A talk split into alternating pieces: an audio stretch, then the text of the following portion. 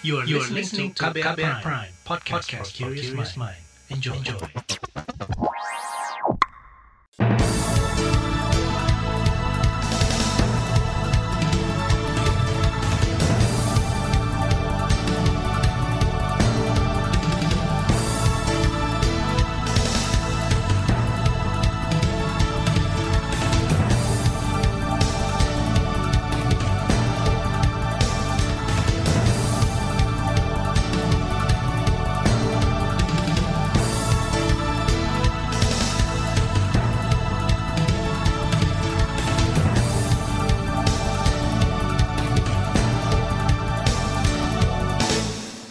Selamat pagi saudara, senang sekali kami bisa menjumpai Anda kembali melalui program Buletin Pagi edisi Jumat 21 Oktober 2022 bersama saya Naomi Liandra.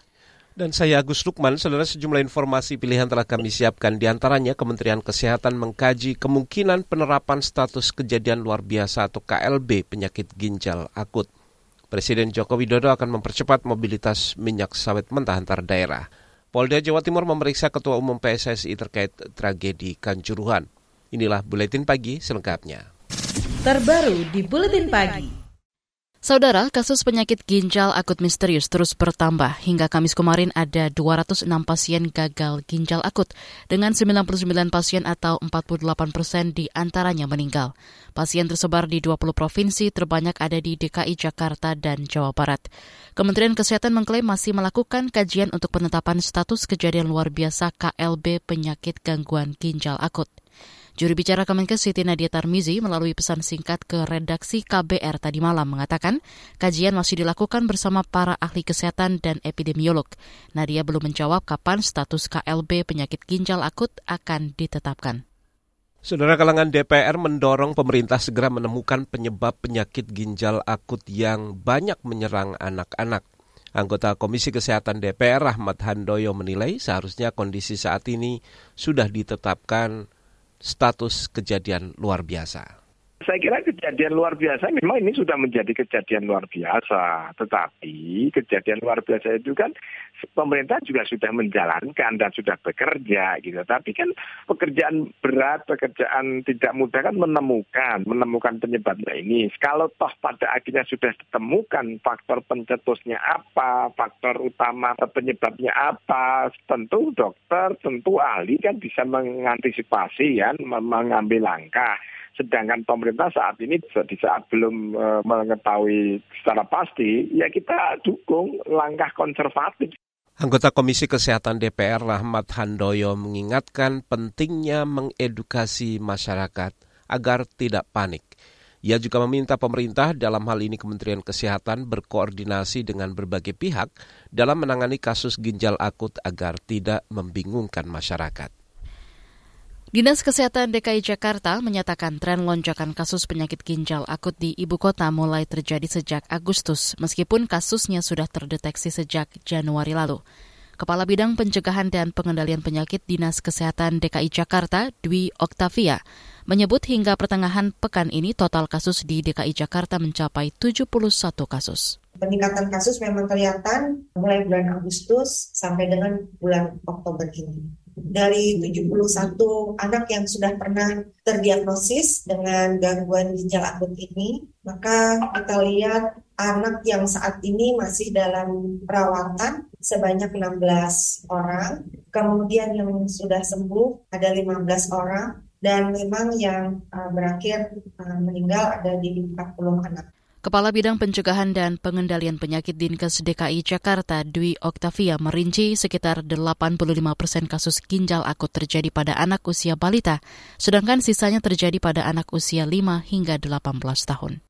Saudara tingkat kematian akibat penyakit ginjal akut pada pasien di Rumah Sakit Cipto Mangunkusumo atau RSCM Jakarta mencapai 63 persen. Direktur Utama RSCM Jakarta Lis Dina Liastuti mengatakan sejak Januari lalu hingga Oktober ini sudah ada 49 pasien dirawat dan 31 di antaranya meninggal. Bayangkan, lebih dari 50 persen, kan? Jadi yang hidup, yang pulang cuma tujuh orang. Sekarang yang masih di rumah sakit ada 11. Di rumah sakit Cito ya, aku nggak ngomongin luar, luar loh Jadi kalau dihitung uh, berapa di nasional bukan ranah saya, saya nggak tahu. Direktur Utama RSCM Jakarta, Lisdina Liastuti menambahkan saat ini ada 11 pasien di rumah sakitnya yang masih diobservasi terkait obat-obatan sirup yang diduga memicu penyakit ginjal akut. Desakan penetapan status kejadian luar biasa KLB penyakit gangguan ginjal akut juga disampaikan epidemiolog dari Universitas Griffith Australia, Diki Budiman. Diki mengatakan seluruh kriteria sudah terpenuhi untuk penetapan status KLB mulai dari jumlah kasus yang terus bertambah, begitu juga dengan angka kematian. Di sisi pemerintah memang tidak akan mengenakan ya status ini kan menunjukkan satu kejadian yang apalagi kalau bicara ternyata obat ini tercemar ya ada faktor kelalaian atau kelemahan dalam aspek uh, pengawasan ya apa boleh buat itu yang memang faktanya dan itu yang harus diperbaiki. Dan untuk menebusnya dan lain-lain cegah kasus ini berkembang dan memakan lebih banyak korban dengan cara ya penetapan status KLB itu dengan turunan-turunan ada di situ. Turunnya ada ada evaluasi ada koordinasi uh, para ahli mau investigasi dan lain sebagainya Epidemiolog dari Universitas Griffith Australia, Diki Buniman menambahkan penetapan status KLB penting untuk memudahkan mobilisasi SDM dan kelancaran koordinasi antar pihak terkait. Status KLB juga akan menciptakan regulasi yang bisa membantu daerah yang finansial, SDM, dan teknologinya terbatas. Masih terkait kasus ginjal akut misterius, Saudara Badan Pengawas Obat dan Makanan BPOM menarik lima produk obat sirup dari pasaran yang diduga mengandung bahan yang bisa menyebabkan penyakit ginjal akut. Lima produk itu mengandung cemaran etilen glikol atau EG dan dietilen glikol yang melampaui ambang batas aman.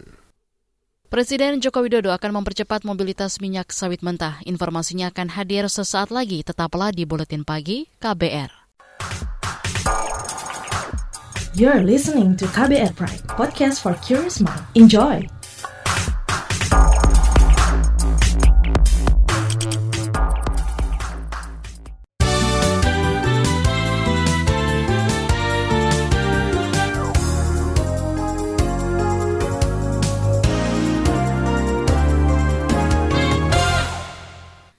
Presiden Joko Widodo akan mempermudah mobilitas barang, khususnya CPO atau minyak sawit mentah antar daerah.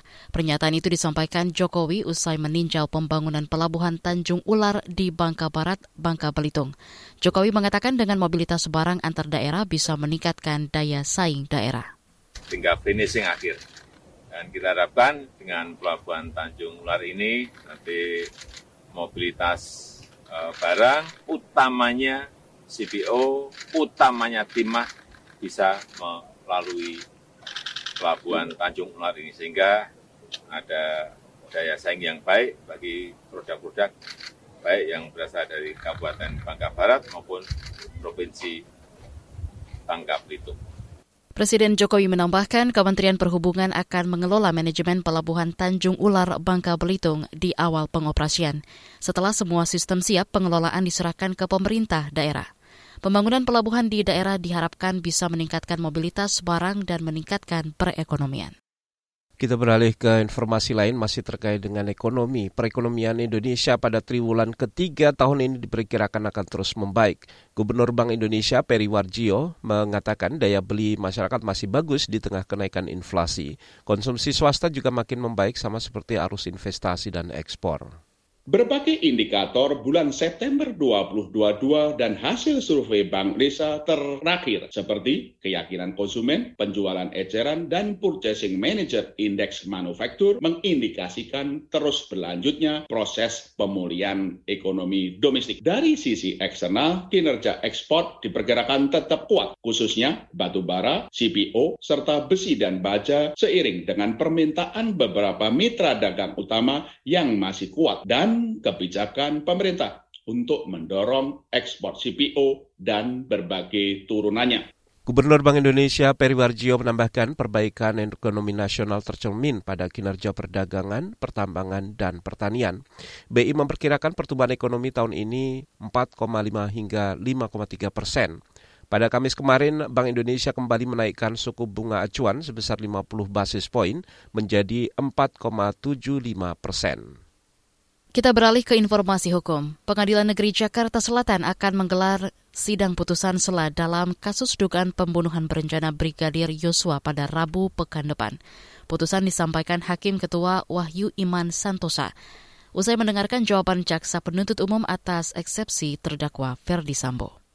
Baik, tanggapan dari penuntut umum telah dibacakan, maka tiba saatnya untuk putusan selah dan itu kita akan tunda hari Rabu besok tanggal 26 Oktober bersama-sama dengan terdakwa yang lain.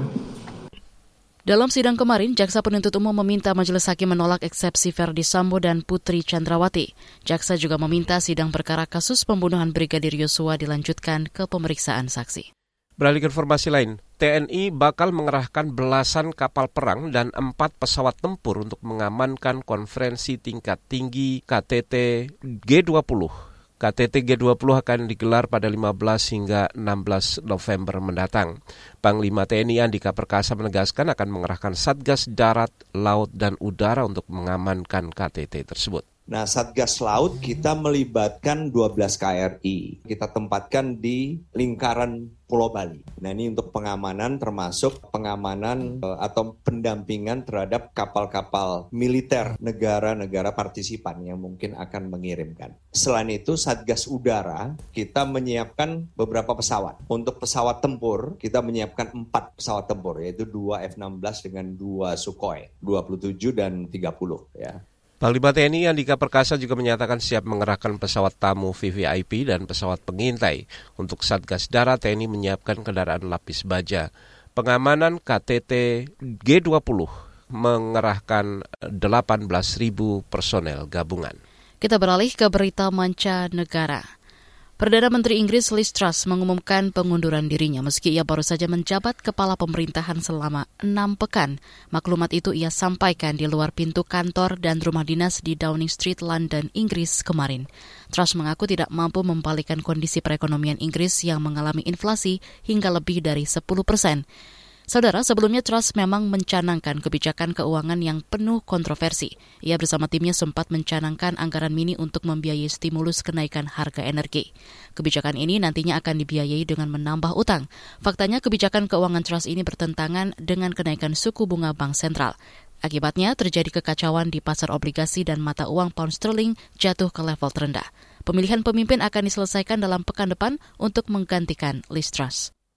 Saudara beralih ke informasi olahraga, lima wakil Indonesia lolos ke babak perempat final turnamen bulu tangkis Denmark terbuka 2022.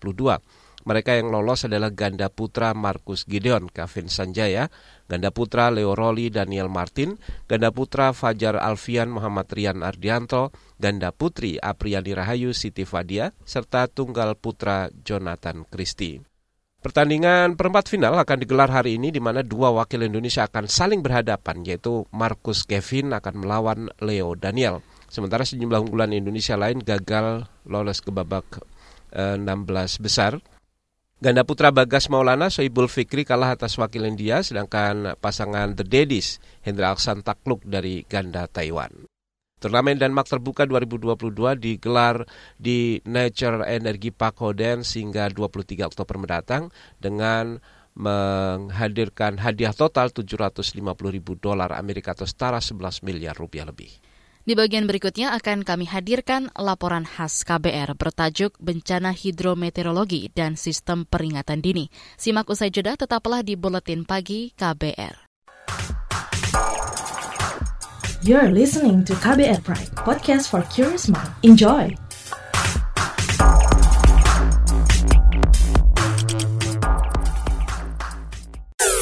Commercial break. Sekarang kamu nggak bakal ketinggalan berita lagi. Lewat podcast, kamu bisa kembali menyimak apa yang sudah lewat serta obrolan seru di balik sebuah peristiwa. Gak perlu repot download aplikasi lagi. Ketik aja kbrprime.id di browser ponsel pintar kamu dan simak beragam podcast di KBR Prime. Mulai rangkuman berita hingga cerita. KBR Trending, Ruang Publik, Love Bus, Disco, Diskusi Psikologi, Parbada, Ngulas Film, Lika-Liku Mancanegara, Cek Fakta, dan masih banyak lagi. Jadi waktu pas saya mau bunuh diri itu halusinasi saya bilang mati aja buruan sampah katanya mau mati. Teman-teman juga ada pada tahu sih I'm gay. Tapi mereka fine-fine aja sih selama kita baik mereka welcome kok. KBR Prime menemani aktivitas harianmu yang padat dengan beragam informasi dan obrolan seru kapan saja dan di mana saja. Temukan juga podcast KBR Prime di aplikasi podcast lainnya. KBR Prime, cara asik mendengar berita. KBR Prime, podcast for curious mind.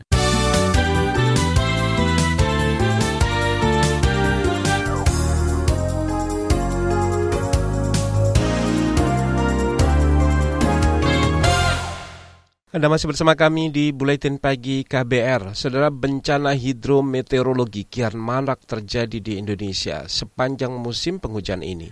Sistem peringatan dini kerap dikritik belum kuat dan belum dipahami masyarakat. Berikut laporan khas KBR disusun jurnalis Siti Sadida. Saudara, Badan Meteorologi, Klimatologi, dan Geofisika BMKG telah menetapkan status siaga terhadap potensi bencana hidrometeorologi, banjir, hingga tanah longsor di beberapa daerah.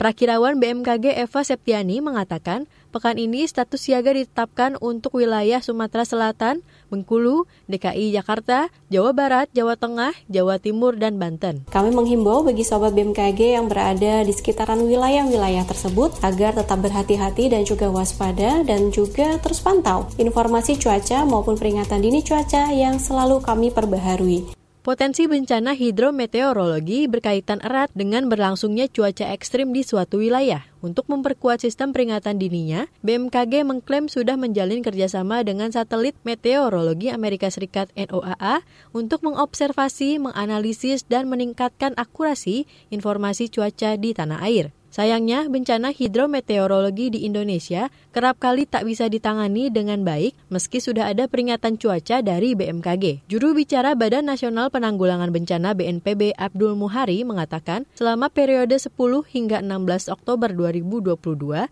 jumlah kejadian bencana mencapai rekor terbanyak yaitu 76 kejadian. Kejadian itu tersebar di 21 provinsi dan 56 kabupaten kota yang memaksa sekitar 70 ribu jiwa mengungsi. Di minggu lalu, tanggal 3 sampai 9 Oktober, kita mencatat ada 10 korban jiwa. Dan ini menjadi evaluasi penting kita sehingga kita benar-benar menghimbau BPBD Provinsi Kabupaten Kota untuk siaga satu. Akan tetapi kita minggu ini berduka kembali masih ada 13 saudara kita yang menjadi korban. Ini kita harapkan mungkin di uh, minggu depan, minggu ini tidak terjadi lagi. Abdul Muhari menjelaskan masih banyaknya korban jiwa dalam kejadian bencana sepekan terakhir rata-rata disebabkan oleh tingkat kesiapsiagaan masyarakat yang rendah utamanya di daerah yang sebelumnya bukan daerah rawan bencana. Padahal Abdul Muhari sudah berulang kali memberikan arahannya kepada perangkat daerah untuk memperkuat kesiapsiagaannya menghadapi cuaca ekstrim di Indonesia. Nah nanti mohon Kepala BPBD, unsur Komandan TNI Polri juga memberikan penjelasan penekanan kepada masyarakat. Itu ada empat poin di antaranya. Yang pertama adalah menyiapkan jalur dan tempat evakuasi berbasis keluarga. Kemudian masyarakat di sekitar lereng dataran rendah jika terjadi hujan lebih dari satu jam, kemudian jarak pandang 50 cm tidak terlihat, itu sudah merupakan tanda-tanda akan terjadinya banjir bandang atau akan terjadinya air dari hulu menuju hilir.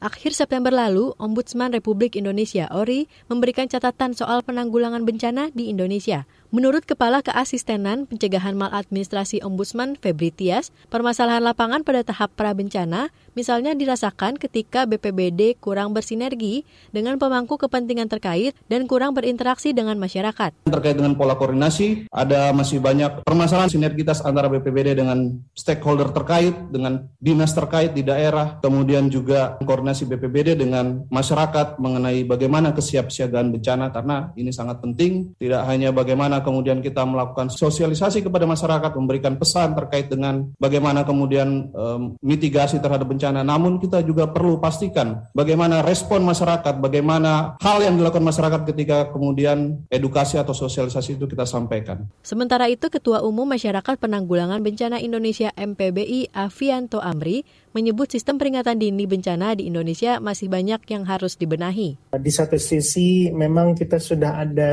kemampuan dari institusi terkait untuk mendeteksi atau memprediksi akan terjadinya misalnya peningkatan hujan atau ancaman bencana lainnya, tapi masalahnya itu belum sampai ke masyarakat sehingga mereka juga bisa melakukan tindakan preventif atau kesiapsiagaan. Di daerah rawan bencana, Gubernur Jawa Tengah Ganjar Pranowo mengajak seluruh elemen masyarakat lebih peka terhadap sistem peringatan dini bencana alam yang telah disampaikan oleh pemerintah. Maka early warning sistemnya, baik yang sifatnya peralatan modern maupun yang sifatnya kearifan lokal, mesti sekarang didorong terus-menerus. Sehingga nanti begitu itu bisa kita cegah, insya Allah tidak ada korban. Kadang-kadang bencananya tidak bisa kita hindarkan, tapi selamatkan dulu korbannya. Yang kedua, setelah terjadi, maka respon cepat yang perlu didorong. Demikian laporan khas KBR, saya Siti Sadida. Saudara, informasi dari berbagai daerah akan hadir usai jeda. Tetaplah bersama Buletin Pagi KBR. You're listening to KBR Pride, podcast for curious mind. Enjoy!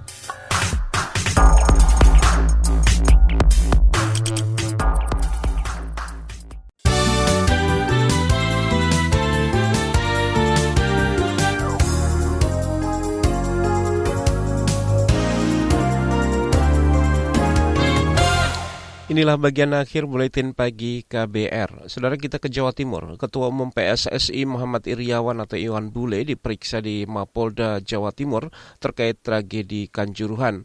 Juru bicara Iwan Bule yang juga Ketua Asosiasi Provinsi PSSI Jawa Timur, Ahmad Riyad mengatakan pemeriksaan berlangsung 5 jam. Pemeriksaan terkait bagan PSSI, PT Liga Indonesia Baru, panitia pelaksana, klub, dan lain-lain. Riyad menjamin Iwan Bule akan selalu kooperatif. Hadir memenuhi panggilan Jawa Timur ya. apa ini Pak? Uh, saksi saya nanti tanyakan ke penyidik aja. Itu tadi Ketua Asosiasi Pengurus Provinsi PSSI Jawa Timur Ahmad Riyad.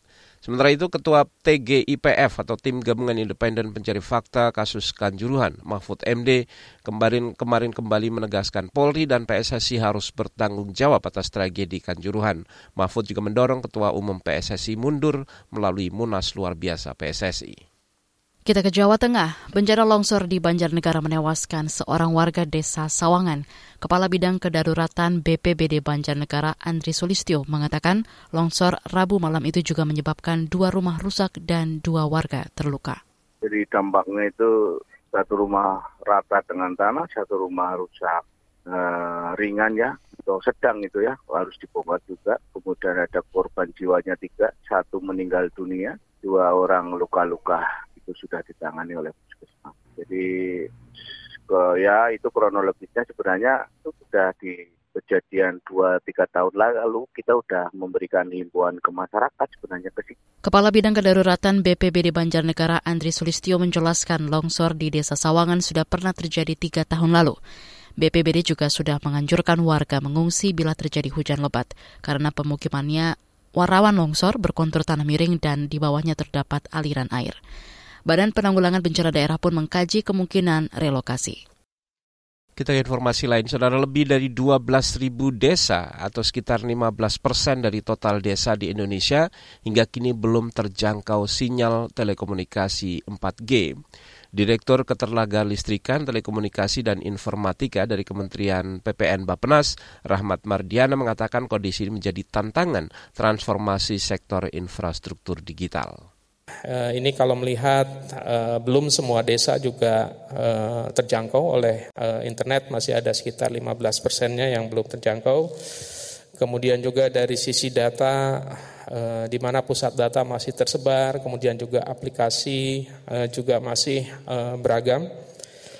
Dan dari sisi penyiaran uh, ini juga masih didominasi uh, penyiaran uh, yang sifatnya analog Bapak dan Ibu ya dan mudah-mudahan sih dengan adanya tenggat waktu untuk yang akhir tahun ini bisa beralih kepada penyiaran digital. Direktur Ketenagalistrikan, Telekomunikasi dan Informatika dari Kementerian PPN Bapenas, Rahmat Mardian mengatakan belasan ribu desa yang belum terjangkau sinyal 4G sebagian besar ada di daerah 3T atau tertinggal, terluar, terdepan. Selain itu ada sekitar 3.000 kecamatan di Indonesia belum tersambung jaringan telekomunikasi kabel serat optik. Informasi tadi menutup jumpa kita di Buletin Pagi hari ini. Pantau juga informasi terbaru melalui kabar baru situs kbr.id, Twitter kami di akun @beritaKBR, serta podcast di alamat kbrprime.id. Akhirnya saya Naomi Liandra. Dan saya Agus Lukman bersama tim yang bertugas kami undur diri. Salam. Salam.